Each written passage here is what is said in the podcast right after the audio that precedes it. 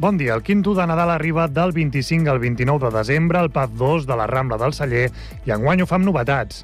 La popular activitat nadalenca autogestionada i impulsada per Cal Temerari ha posat fil a l'agulla per amenitzar les cues que es formen per participar en el quinto i ha creat un sistema d'accés innovador. A l'entrada del recinte, els assistents agafaran número en funció de l'arribada i podran consultar el seu torn en un web que s'anirà actualitzant. D'aquesta manera, no caldrà que els sancuatencs facin cua a les portes del pavelló i es podran anar a gaudir d'altres activitats mentre arriba el seu torn. Per a aquells que vulguin esperar a l'exterior del recinte, els organitzadors de la proposta habilitaran una barra amb menjar i beguda amb música en directe.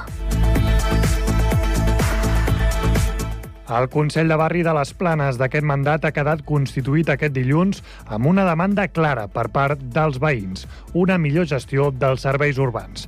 Això passa per fer més manteniment de les voreres i carrers, incrementar la neteja de la via pública, millorar l'estat dels contenidors i solucionar els problemes a les canonades de Can Cortés. L'alcalde, Josep Maria Vallès, ha anunciat una sessió monogràfica del Consell per tractar aquests temes amb la mirada posada a l'aprovació inicial dels plecs de la licitació del nou servei de neteja al ple de desembre. El Consell de Barri, amb un alt nivell d'assistència i participació, està presidit per la regidora de Junts, Núria Fernández. I precisament el Consell de Barri de la Floresta del mandat 2023-2024 es constitueix aquest dimarts. El Centre Social i Sanitari acollirà la trobada que començarà a les 6 de la tarda i on es presentaran els vocals de les entitats i grups polítics. El regidor Francesc Duc serà el president d'aquest espai, que en aquesta primera sessió farà un repàs de l'estat en què es troben els projectes del districte. Ferrocarrils de la Generalitat de Catalunya ha iniciat els treballs per estabilitzar un talús situat en el tram de via comprès entre les estacions de Sant Cugat i Mirasol, a la línia S1. Per no afectar la circulació ferroviària, els treballs s'estan duent a terme en franja nocturna. Per això, Ferrocarrils ha instal·lat unes pantalles de mitigació de soroll per garantir el descans dels veïns de la zona. Aquestes obres s'emmarquen dins del procés de manteniment, reforç i renovació de les instal·lacions i infraestructures amb l'objectiu d'assegurar la seva robustesa i la fiabilitat i puntualitat en el servei. Això és tot. Com sempre, recordin que poden consultar tota la informació a www.cugat.cat i a les nostres xarxes socials. Cugat Mèdia, la informació de referència a Sant Cugat.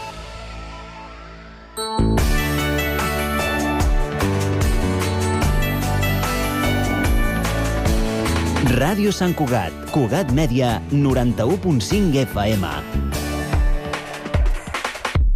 Hora Sant Cugat, a Ràdio Sant Cugat.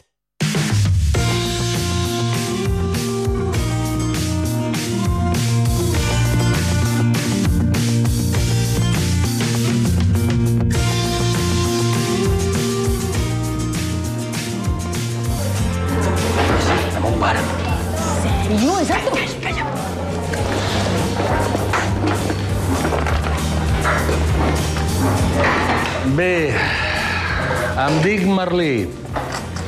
I vull que la filosofia us faci trempar. El Marc ve cada dia trempat de casa. Pollo. Vull dir que em proposo encomanar-vos l'interès per la filosofia. Mm? Tu, com et dius? Bruno. Bruno què? Bergeron. Bé, bé, quin collons de cognom és aquest? És francès. Ah. Creus que la filosofia serveix per alguna cosa? Sí. Això és el que volia sentir. Estic fins als collons de la gent que diu que... Segur que heu identificat el personatge de ficció Merlí, el professor d'institut que en el primer dia de classe pregunta als seus alumnes què és la filosofia i per a què serveix. Doncs avui, Dia Mundial de la Filosofia, al Connectats volem donar resposta a aquestes i altres qüestions i ho farem en companyia de la Carme Serret, que és llicenciada en Filosofia i Ciències de l'Educació, a més de professora de la Facultat de Ciències de l'Educació de la Universitat Autònoma de Barcelona. Carme, bona tarda. Bona tarda, Carme. Eh, mm, volia començar il·lustrant una mica el tema perquè, sobretot aquestes preguntes inicials que fa el Merlí eh, en la seva entrada a classe, és segurament eh, una pregunta recurrent, no?, quan es parla de filosofia. Per què serveix la, la filosofia? Pues jo crec que Merlí ho diu molt bé. Jo crec que serveix, eh, la filosofia serveix per trempar i serveix eh, per, jo diria, per viure, per viure i cuidar de l'existència, fonamentalment, amb tot el que això comporta. Diria que la filosofia serveix no per viure millor, sinó per viure bé, amb, amb el que això comporta també, i també des d'un altre punt de vista diria que no serveix per res. És a dir, eh, des de la perspectiva utilitarista, i els temps són profundament utilitaristes ac- actualment, doncs eh, la filosofia, com la literatura, com l'art, com... no serveix per res. I, I diries que inconscientment, en el nostre dia a dia, nosaltres apliquem, ni que sigui inconscientment, la filosofia. Filosofem eh, amb moltes coses sense, sense adonar-nos, no? Sí, sí, sí, efectivament.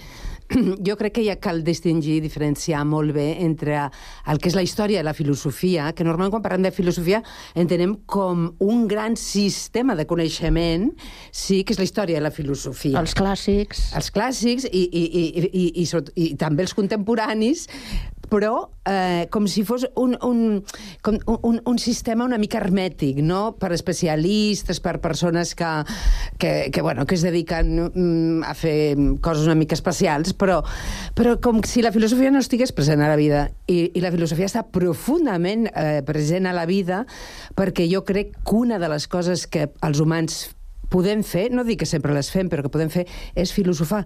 I, i filosofar és diferent a saber història de la filosofia, que es pot, es, penso que està molt bé saber història de la filosofia, eh? per suposat que sí. Jo crec que com està molt bé tenir coneixements, però hi ha algo que crec que és bastant natural en l'ésser humà, que és filosofar. Però filosofar per mi té que veure amb escollir què pensar, i no sempre escollim, o estem en possibilitats d'escollir què pensem, perquè pensar ja pensem, vull dir, i, i, i, i de vegades molt i malament, en el sentit de tot, de tot aquest soroll mental que tenim. Això no és filosofar, això és amargar-nos la vida, en general. O sigui, quan, ens, eh, quan pensem però ens estem preguntant coses, amb aquest pensament, és quan filosofem. Sí, quan ens fem, jo diria, les preguntes eh, són molt importants i, i jo penso que és quan ens fem bones preguntes. I tu em diràs, i què són bones preguntes? Vinga, quines són les bones preguntes? La, les bones preguntes no és un llistat que puguem dir, mira, hi ha, eh, aquestes són les bones preguntes. Però jo sí que no, no penso que totes les preguntes siguin igual. Llavors, jo, jo penso que eh, filosofar és preguntar-se, no només des de la raó, que també, des de la racionalitat, per suposat que sí, però també des del sentir, sí? Perquè eh, l'ésser humà és aquell que viu, però també és aquell que existeix. L'ésser humà és un ésser vulnerable, i ser vulnerable no, no, no, no és un problema, és és part de la seva condició. I ser vulnerable vol dir que l'humà és el que, es preu, el que sent i es pregunta per allò que sent, que té consciència del sentir. Per tant, les preguntes, filo, mm, jo diria, les bones preguntes no només eh, agafen la lògica de la raó. Eh, penso que en la raó de vegades fem coses mm, bastant qüestionables. Quan, quan diem aïllem la raó, si, si la poguéssim aïllar, que per una altra part tampoc no la, no no? Però Eh, jo crec que les bones preguntes estan fetes d'un material complex. I quan dic un material complex no vull dir complicat. Vull dir que té una àmplia, consideració, una àmplia consideració. Rilke, que jo crec que és un poeta filòsof, que la poesia i la filosofia o el filosofar no estan tan separats de vegades, des de la meva perspectiva, però Rilke deia eh, manti, man, mantén, mantén les preguntes eh, vives en tu corazón i no, no t'afanyis a donar-te resposta, no corris. Ves esperant que la re resposta vagi arribant i la vagis completant. Jo crec que les, les preguntes no, són ma no tenen mai respostes o quasi ben mai definitives. Doncs, escolta, en aquests temps que corren és una bona, és una bona frase, no? Eh, sí. Jo no sé si t'has preguntat alguna vegada quin, quin és el valor que li donem actualment a la, al, en la nostra societat, quin valor li estem donant a la filosofia. L'hem denostat? Sí, jo diria que tot allò que és, eh, en el sentit irònic ho deia abans, inútil, sí, eh, jo crec que la nostra, la, la, la societat actual ho ha denostat enormement. Tot és molt d'expertesa, tot és molt de... Molt, ha de ser molt eficient, molt funcional, molt... I, I crec que per això estem patint tant, també, perquè hem relegat, d'alguna manera, les, eh, les preguntes les preguntes i, i, i, i el, el pensar en allò que per l'ésser humà jo crec que, que, que és fonamental, que és, per exemple, el sentit, que és la llibertat, que és la vida, que és la mort, que és la soledat, totes aquestes preguntes, eh, preguntes i reflex, reflexionar, pensar i sentir sobre tot això, jo crec que forma part del nucli existencial de l'humà, i sense això patim. I crec que estem patint, com veiem molt, malauradament, ja des de fa... Eh, per exemple, en el segle XXI ja va anunciar l'OMS que, que, que la gran pandèmia serien les malalt... les, els desequilibris emocionals i mentals. Jo crec que aquí té molt a veure la filosofia, també, sí? la filosofia de l'existència. Pot servir de medicina? Jo penso que sí. Jo penso que eh, la, la filosofia eh, la filosofia, eh, com ja des de, des de l'estoïcisme, i molt abans, eh, però eh, eh, parlo de l'estoïcisme perquè precisament eh, una certa part dels enfocs eh, en psicologia l'adopten molt, de vegades d'una manera una mica simplificadora, però, i estem parlant d'Epíctet, és a dir, de fa molts i molts anys. Mm. Vull dir, des de llavors sabem com d'alguna manera, la, i abans també, la filosofia ens ajuda a comprendre entendre i a comprendre's, a donar significat, a posar límits, a veure els límits del que està en la meva mà i del que està en mans de la vida. Um, i, eh, tot, tots aquests aspectes jo crec que tenen que veure amb la salut. Per tant, sí, penso que la, la, la filosofia és molt saludable, pot ser molt saludable. Jo crec que Merlí, la sèrie, va fer... Ho mostra. Crec que, que li va donar, en, en aquest sentit, un, un, un cert impuls i una certa popularitat a la filosofia entre els joves molt agradable i, i penso que molts dels que ens dediquem a la filosofia estem en aquesta línia, que, de transmetre als joves eh, doncs la importància per les nostres vides que té escollir què pensar, fonamentalment perquè escollir què pensar ens ajuda a ser més crítics, ens ajuda a ser més lliures, ens ajuda a prendre decisions i a responsabilitzar-nos d'allò que vivim. Però ara que parlem, per exemple, dels eh, joves eh, i d'una matèria com aquesta que mm, sovint eh, s'ha descartat perquè s'ha considerat eh, doncs que, que no era una assignatura de les, de les importants. Eh, avui dia els joves eh, trien la filosofia? Eh, com, a, com a formació i per buscar una sortida professional, perquè també ja s'ha de tenir en compte quines són les sortides professionals que hi ha avui dia per una persona que estudi filosofia. Sí. Um, jo crec que la filosofia, i sobretot, bueno, parlem de, de, de filosofia en el sentit ampli, eh, i pur eh, és una opció que prenen algunes persones, joves també, jo tinc de vegades alumnes a l'educació que mm, em diuen després faré filosofia, no? Jo penso que és, que és una formació, la, la formació en filosofia és una formació molt fundacional del coneixement. I per tant penso que tindria que, que estar i estar molt al costat de, de, de tots els camps de coneixement de to, és, insisteixo, és, és, un, és com un gran marc fundacional que ens ajuda a comprendre. Per tant, jo penso que tindria que ser, la tindríem que tenir tots des de petits. A més, jo crec que els nens són uns filòsofs excel·lents. I sí? ho he pogut comprovar a la meva, a la meva vida. Jo amb els, amb, eh, amb els nens he pogut... Ells han filosofat, jo he filosofat, i són dels, de, dels públics que millor m'han entès i jo també els entès molt bé. Vull dir que, que, que és els nens com a filòsofs eh, són...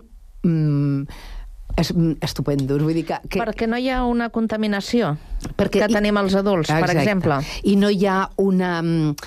Mm, Eh, eh, estan molt més connectats, com el teu programa, molt més connectats amb la intuïció, uh, tenen menys por de l'error, tenen menys por, de, estan menys, mm, mm, en, en menys perills, no? Llavors hi ha una espontaneïtat del pensament molt creativa, enormement creativa. La creativitat, com la imaginació, és la capacitat d'integrar mons, i l'infant això ho fa molt bé.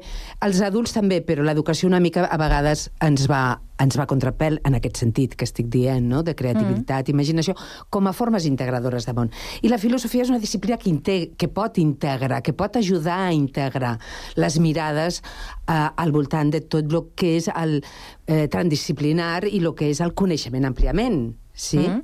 Tenint en compte que la filosofia doncs, eh, ens serveix per, per, per qüestionar-nos les coses i que té a veure amb el pensament i amb el pensament de les societats en cada, en cada moment, eh, ara mateix, eh, quins són els corrents filosòfics que, que, que estan, diríem, en boga? pues mira, ara eh, et comentaré, hi ha una qüestió que encara no està molt a debat, però sí que ja hi comença a estar. Eh, eh, en relació al que és la intel·ligència artificial, mm.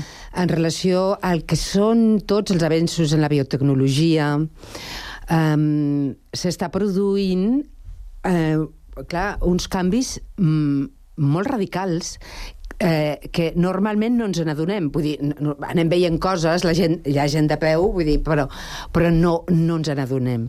I estan passant coses molt interessants, molt interessants i jo també penso molt delicades. Eh, aquí parlaria d'una, diríem, d'una corrent cultural, més que filosòfica, diria quasi cultural, eh, però també podríem dir filosòfica, que és el transhumanisme. Sí?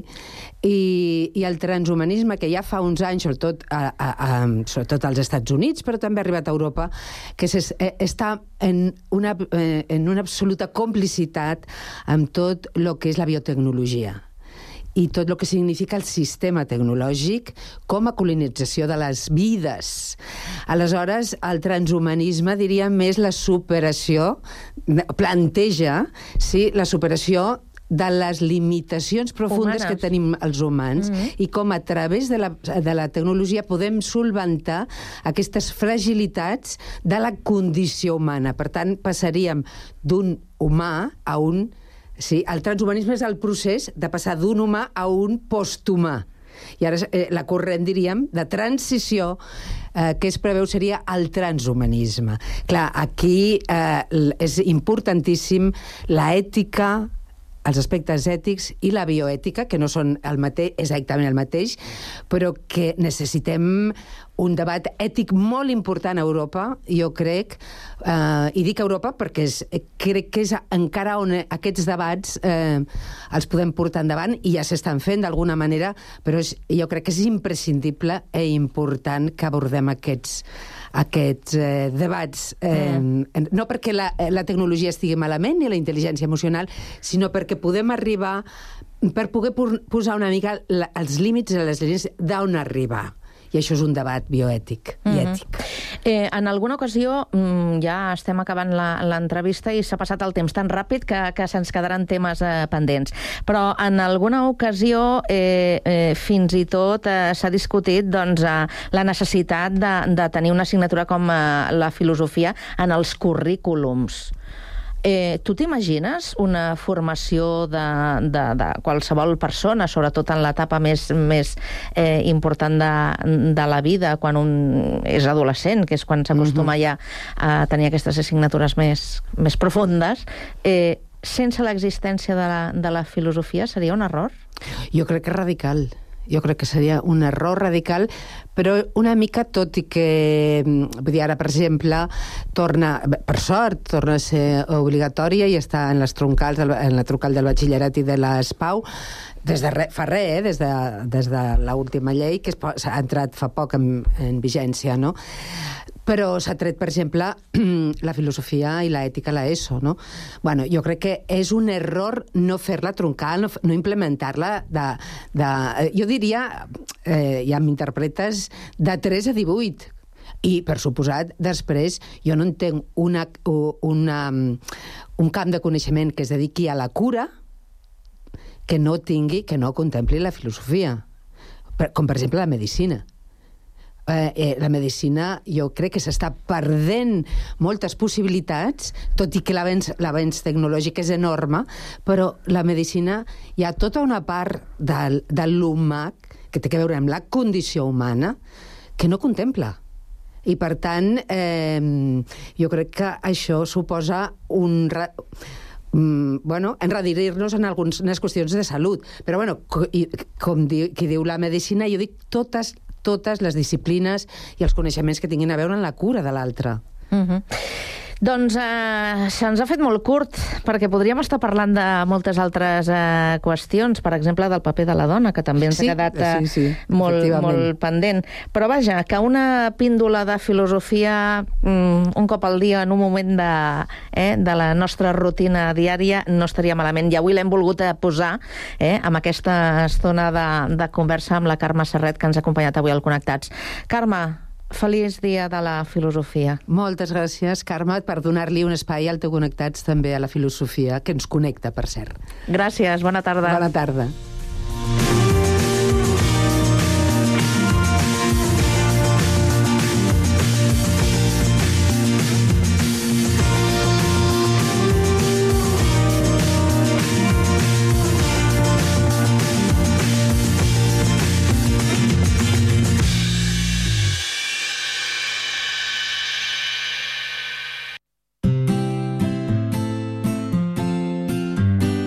Nadal confia els teus àpats a Teca Sàbat, plats preparats amb productes frescos i de primera qualitat. Des dels plats de tradició nadalenca fins als més elaborats amb una àmplia gamma on triar el que més s'adapta als teus gustos. Sorprèn els teus i gaudeix del plaer de convidar i no cuinar amb Teca Sàbat. Teca Sàbat. Ens trobaràs a la Rambla Ribatallada número 26, al passeig Francesc Macià 87, I a un clic a tecasàbat.com.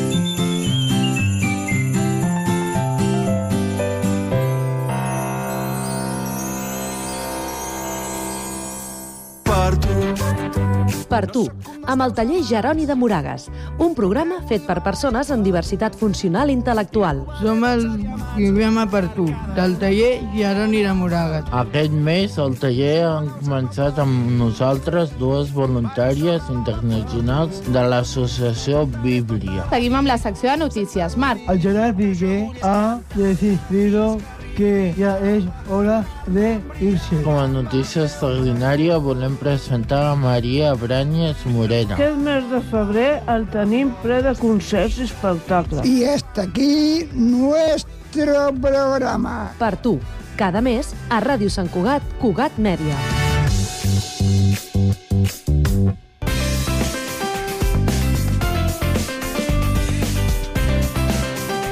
Ràdio Sant Cugat, Cugat Mèdia, 91.5 FM. Hora Sant Cugat, a Ràdio Sant Cugat.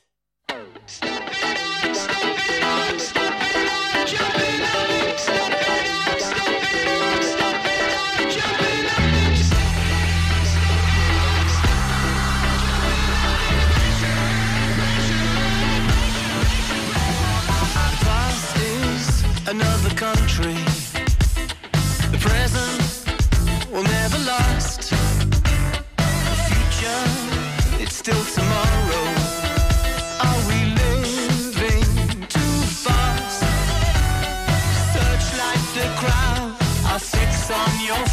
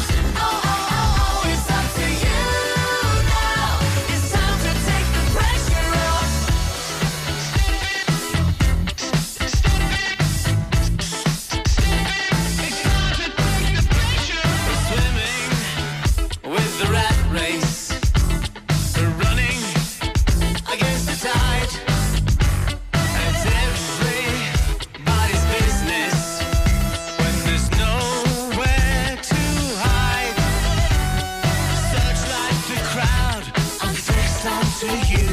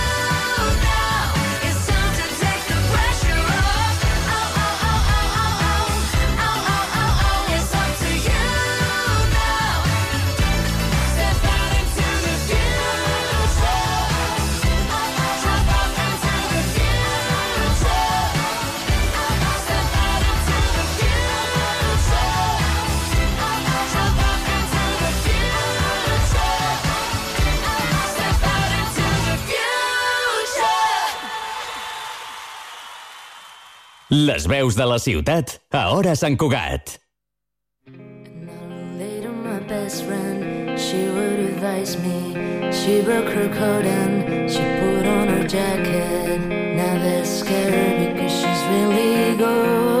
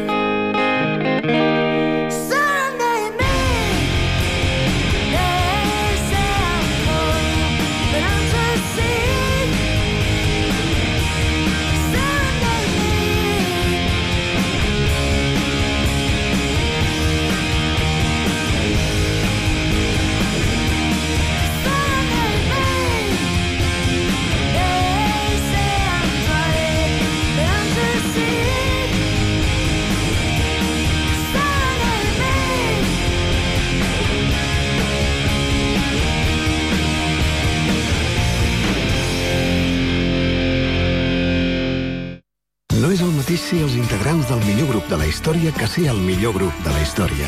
Per això, el grup català Occident serem Occident, perquè per continuar assegurant-ho tot, tot i tot, ens havíem d'ajuntar tots, tots i tots.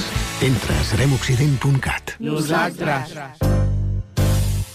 Nosaltres som feliços. Nosaltres som així. Nosaltres, un programa de ràdio mensual amb el grup Catalònia Fundació Creativa, que treballa amb persones amb discapacitat intel·lectual o trastorn de conducta. Avui som la Maria José, el Miguel, l'Edu, la Núria, l'Irra, el David, l'Antonio, l'Artur, l'Emma, l'Àngel i el Guillem, jo mateix. Jo vaig començar amb el teatre d'aficionats. I vaig començar a fer molts càstings, molts càstings, i vaig començar a dedicar-me a la moda. Jo volia ser tenista i, i vaig aconseguir ser tenista professional. Jo em vaig donar compte que m'agradava molt la natació sincronitzada perquè m'agradava molt l'aigua. Vaig començar bastant tard a, a fer música i vam crear la banda d'Arnau Giso. Nosaltres, cada mes a Ràdio Sant Cugat, Cugat Mèdia. Nosaltres. Radio San Cugat, Cugat Media. Cuando me siento bien, la sartén no se pega, me sale la tortilla redondita, perfecta. El frío es una excusa para abrazarte más. Si la casa está muy sucia, nos vamos a un hotel. Me siento bien, la música me inspira, merengue, bachata y tu voz de dormida. Con cuatro palabras te hago una poesía, enciendo la noche y alargo los días. Soy capaz de leerte la mente, arreglar los problemas de toda la gente. Voy cantando las vueltas del mundo. En solo un segundo le prendo la luz al sol. Te doy mi sonrisa y te cambia la vida. Hoy tu lotería voy a ser yo. Voy a ser yo.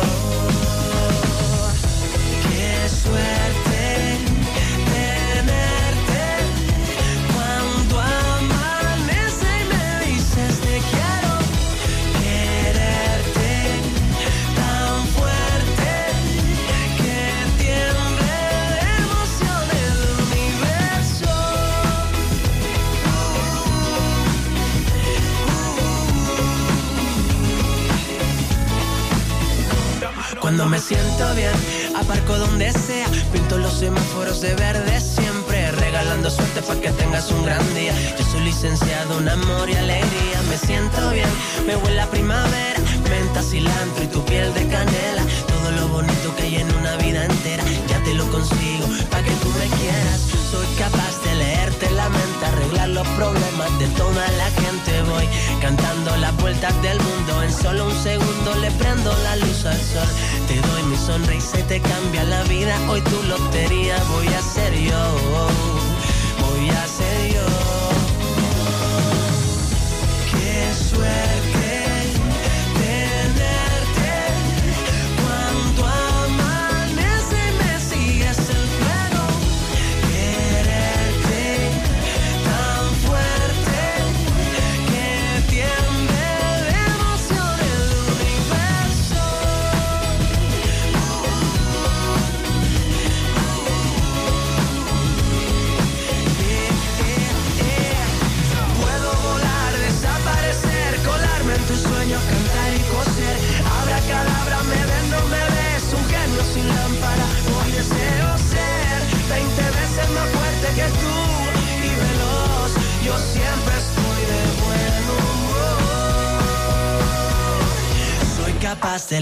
La mente, arreglar los problemas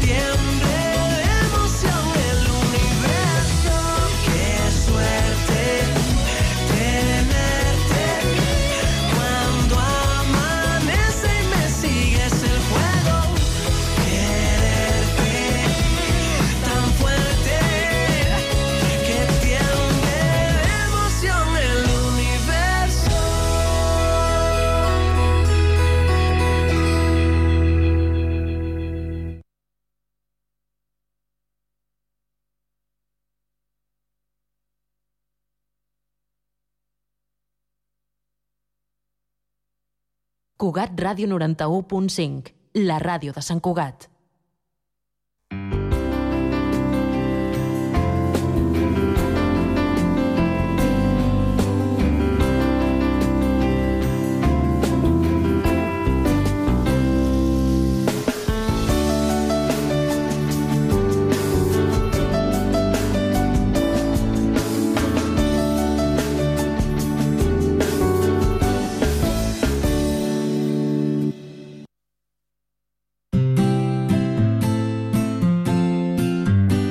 Aquest Nadal confia els teus àpats a Teca Sàbat, plats preparats amb productes frescos i de primera qualitat. Des dels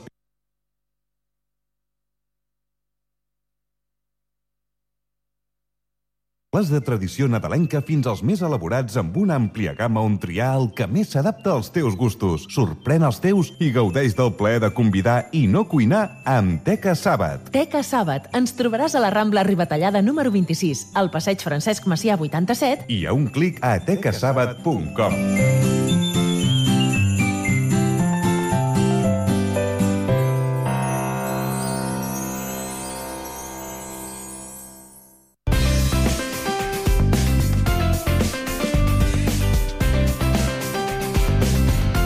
Ràdio Sant Cugat, 91.5 FM. Hora Sant Cugat, a Ràdio Sant Cugat. Continguts en xarxa.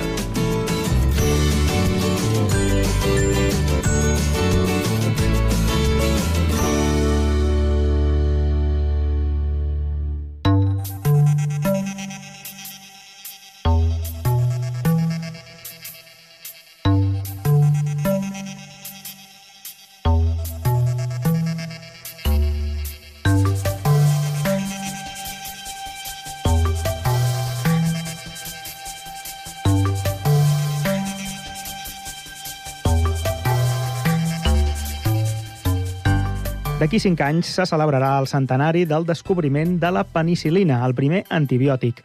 Des de llavors, la ciència ha evolucionat molt, però també els humans ens hi hem anat acostumant i algunes persones han desenvolupat una resistència als antibiòtics que cal estudiar.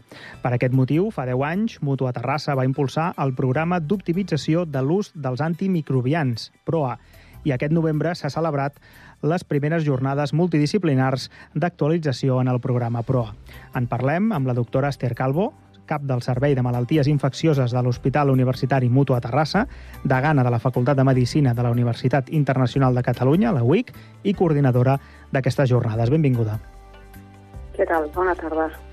Eh, què en sabem avui en dia de la resistència als antibiòtics? Eh, eh, diguem, quin és el, el, en quin punt està la, la investigació en aquests moments?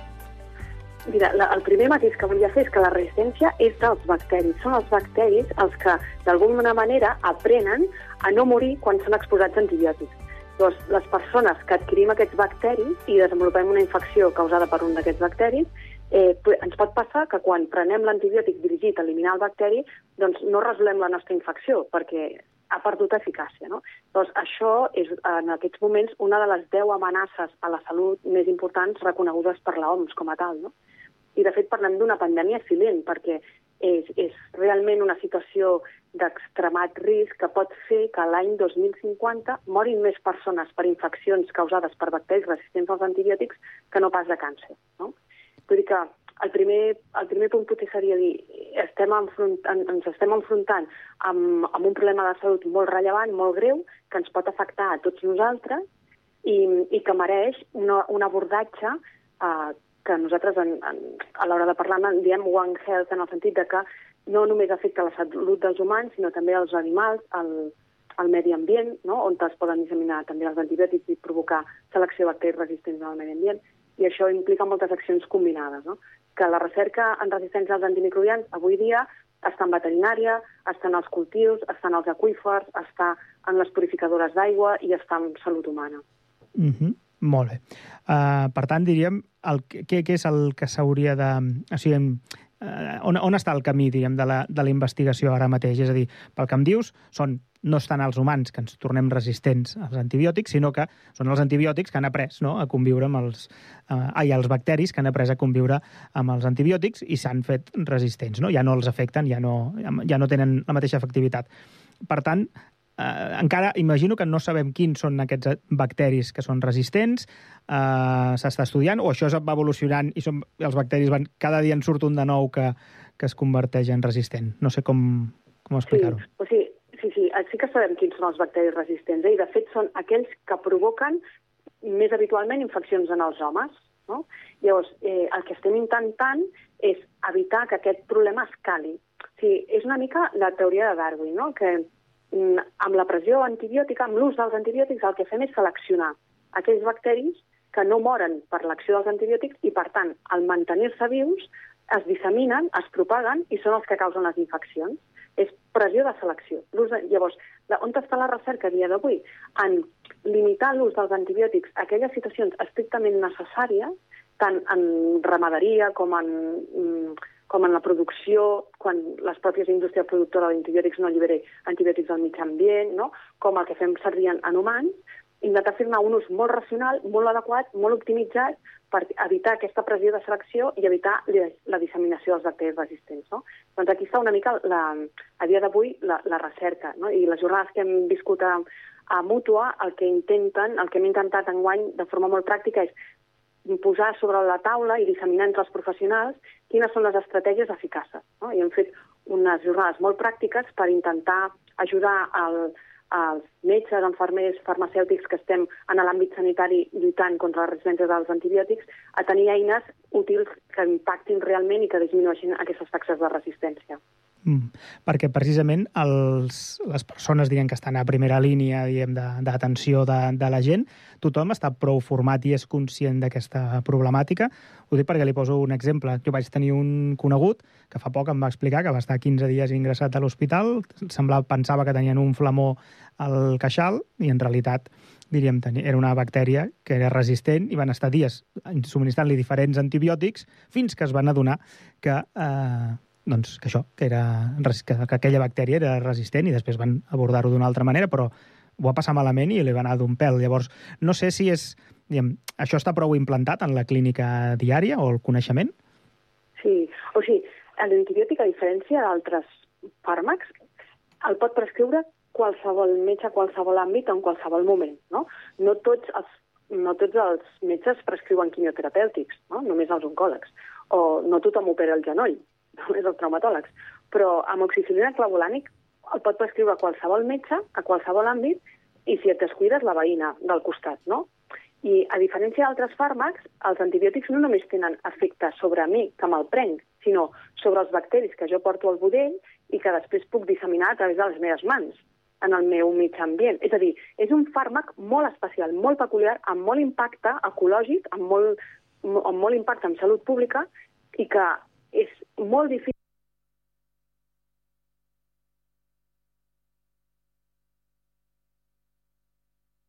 de triar el millor antibiòtic en el sentit del que té menys impacte ecològic però a la vegada és més eficaç clínicament, amb quina durada adequada.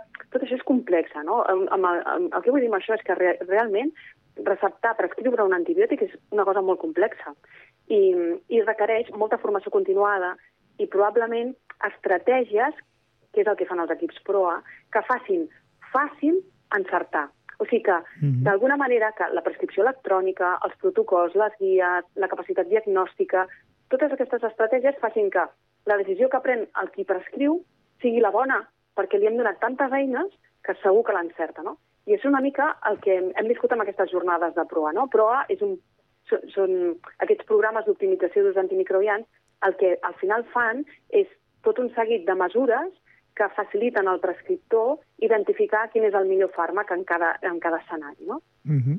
Per tant, com abans feia vostè la, la comparació amb el tema de Darwin, no? és a dir, la selecció natural, doncs el que han fet eh, els bacteris s'han adaptat al medi, no? és a dir, eh, de tant posar-los en contacte amb eh, amb antibiòtics doncs, s'ha- s'han convertit en resistents. El problema ha sigut que n'hem abusat, que se n'ha, mm, direm, receptat en excés, com deia abans, no? que qualsevol pot receptar antibiòtic. S'hauria de fer un control més. Una de les conclusions de, de tot plegat és que s'hauria de controlar molt més qui, qui recepta i quan es recepta. Sí, o sigui, l'hem fet servir molt, però no només en clínica humana, insisteixo, eh? a, a ramaderia se n'ha fet servir moltíssim com a promotor de creixement dels animals, del bestiar, que després són de consum humà. I en el budell d'aquests animals de consum humà on s'han seleccionat i s'han produït moltes de les resistències que a dia d'avui són un problema en la clínica humana. O sigui, els bacteris no en tenen d'espècies ni de fronteres. No? I, i l'escriquia coli que està en el pollastre, que jo em menjo mig cuit, mig cru, eh, va al meu budell i és el que al final em provoca la infecció urinària a mi. No? Eh, llavors, no és només el problema de prescripció en els humans, és l'ús general de l'antibiòtic, que on s'ha fet servir d'una forma desmesurada probablement ha estat en la producció eh, d'animals per al consum humà i que ara, a dia d'avui, gràcies a Déu, està legislat, regulat i ha millorat radicalment, no? Però tenim encara molt marge i molt, molta feina a fer. I en humans, efectivament, sí, hem d'ajudar a prescriure, perquè eh, no, jo crec que no hem divulgat prou la, la, la magnitud d'aquesta tragèdia, però a dia d'avui, just ahir, es van presentar les dades d'un resultat d'un estudi que es fa anualment a Espanya sobre número de morts atribuïbles a infeccions per bacteris multiresistents. I l'any, aquest any, en curs, han mort 20 vegades més persones per infeccions causades per bacteris multiresistents que per accident de trànsit. No? I és un número que es manté i augmenta. És a dir, si no fem mesures contundents, si no entre tots vetllem per tenir cura d'aquest fàrmac tan especial que ha permès la medicina moderna, a dia d'avui podem eh, donar quimioteràpies poderosíssimes que provoquen immunodepressions bèsties perquè tenim antibiòtics per curar les infeccions que causarà aquesta immunodepressió. I podem obrir la panxa de la gent i fer cirurgies tremendes perquè si s'infecten tindrem antibiòtics per curar-los. No? Vull dir, podem transplantar òrgans perquè aquests pacients que no tindran immunitat, quan facin una infecció, tindrem antibiòtics per curar-los. Però si perdem els antibiòtics, tot l'avenç mèdic es veurà realment impactat, no? Per tant, en, és un moment molt crític en, en la història de la humanitat, diria jo, no? per, per prendre molt seriosament el problema de la resistència antibiòtica i actuar. I és una mica el que fan els equips PROA, no? Mm -hmm. Perfecte. I en aquestes jornades, com, com hem parlat, doncs n'han pogut eh, parlar de manera profunda. Han sigut les primeres i m'imagino que, que n'hi haurà més perquè el, el resultat ha sigut positiu.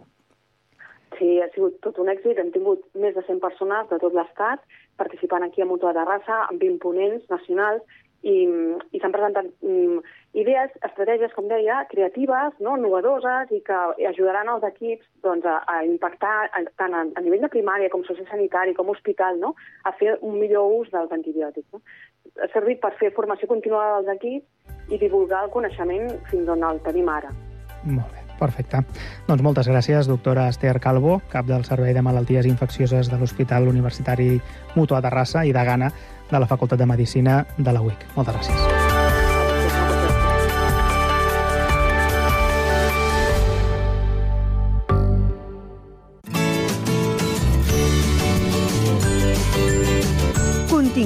En xarxa.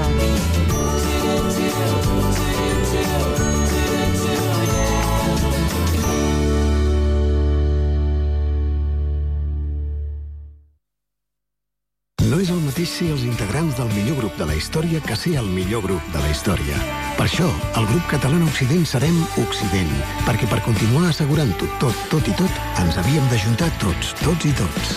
Entra a seremoccident.cat. Nosaltres. Nosaltres som feliços. Nosaltres som així. Nosaltres, un programa de ràdio mensual amb el grup Catalònia Fundació Creativa, que treballa amb persones amb discapacitat intel·lectual o trastorn de conducta. Avui som La Maria José, el Miguel, l'Edu, la Núria, l'Irra, el David, l'Antonio, l'Artur, l'Emma, l'Àngel i el Guillem, jo mateix. Jo vaig començar amb el teatre d'aficionats. I vaig començar a fer molts càstings, molts càstings, i vaig començar a dedicar-me a la moda. Jo volia ser tenista i, i vaig aconseguir ser tenista professional. Jo em vaig donar compte que m'agradava molt la natació sincronitzada perquè m'agradava molt l'aigua. Vaig començar bastant tard a, a fer música i vam crear la banda d'Arnau Giso. Nosaltres, cada mes a Ràdio Sant Cugat, Cugat Mèdia. Nosaltres. Ràdio Sant Cugat. Cugat Mèdia. Hora Sant Cugat, a Ràdio Sant Cugat.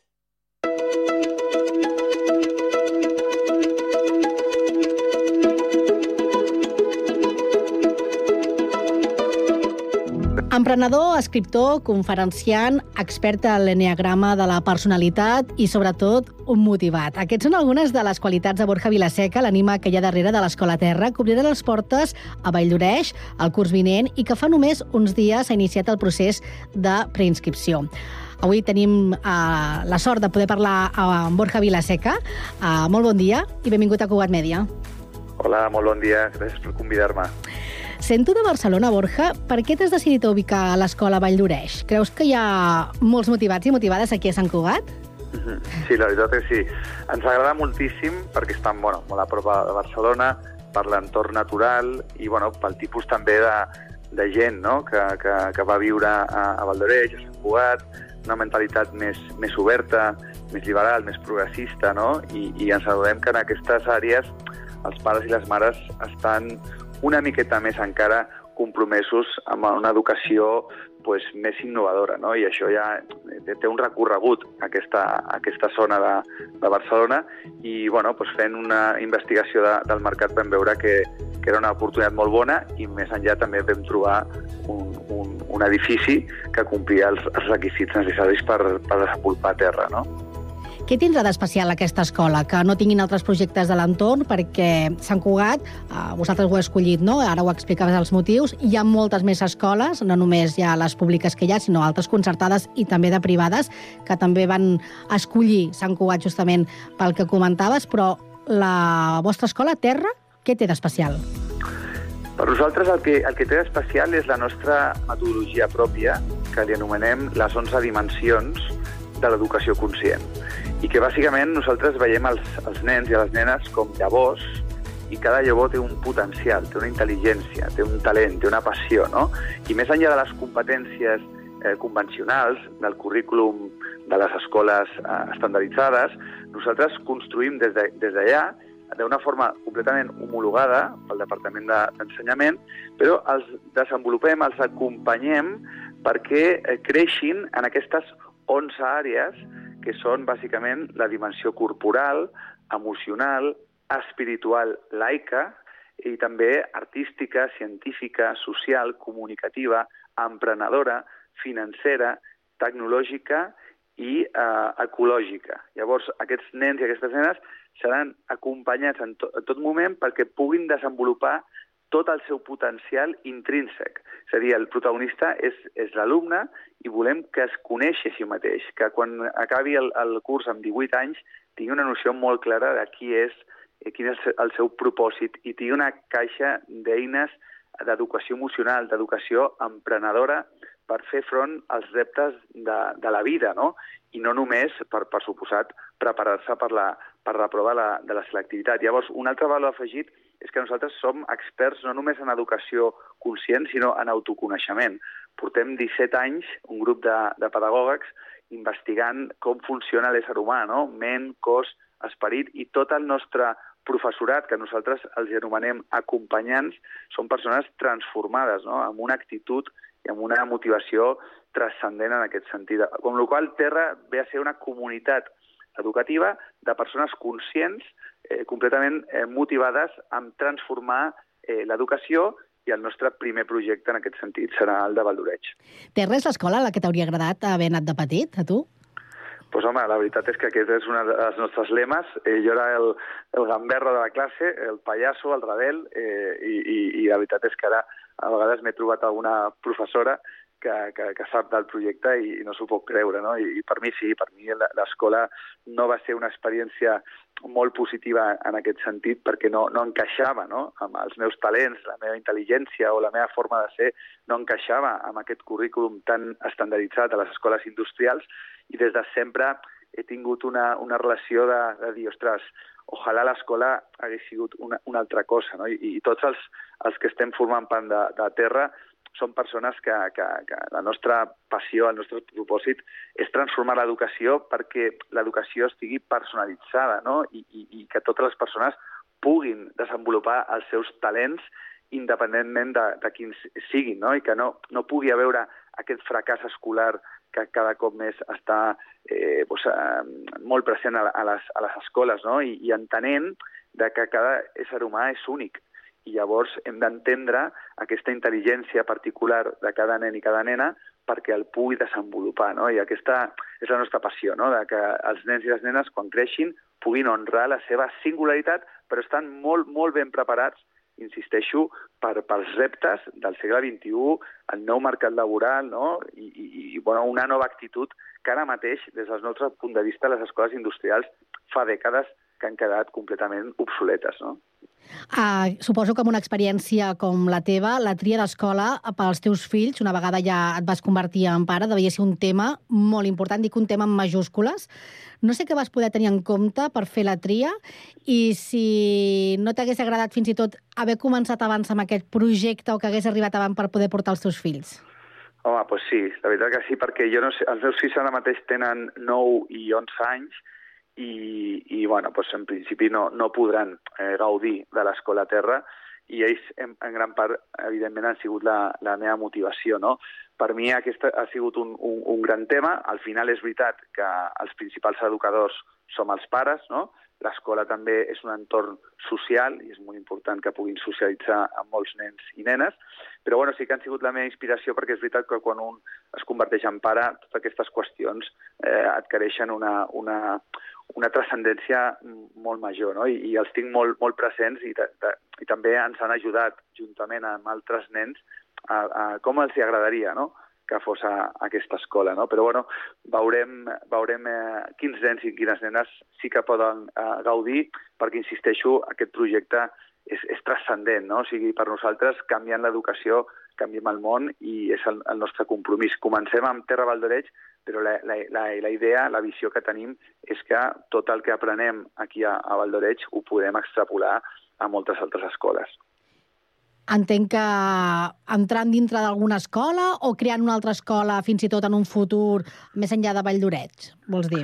Sí, Terra s'emmarca dintre d'un projecte més gran que li anomenem Utopica Labs, que bàsicament és un hub d'educació conscient i que té la finalitat precisament de que has comentat, no? de transformar l'educació.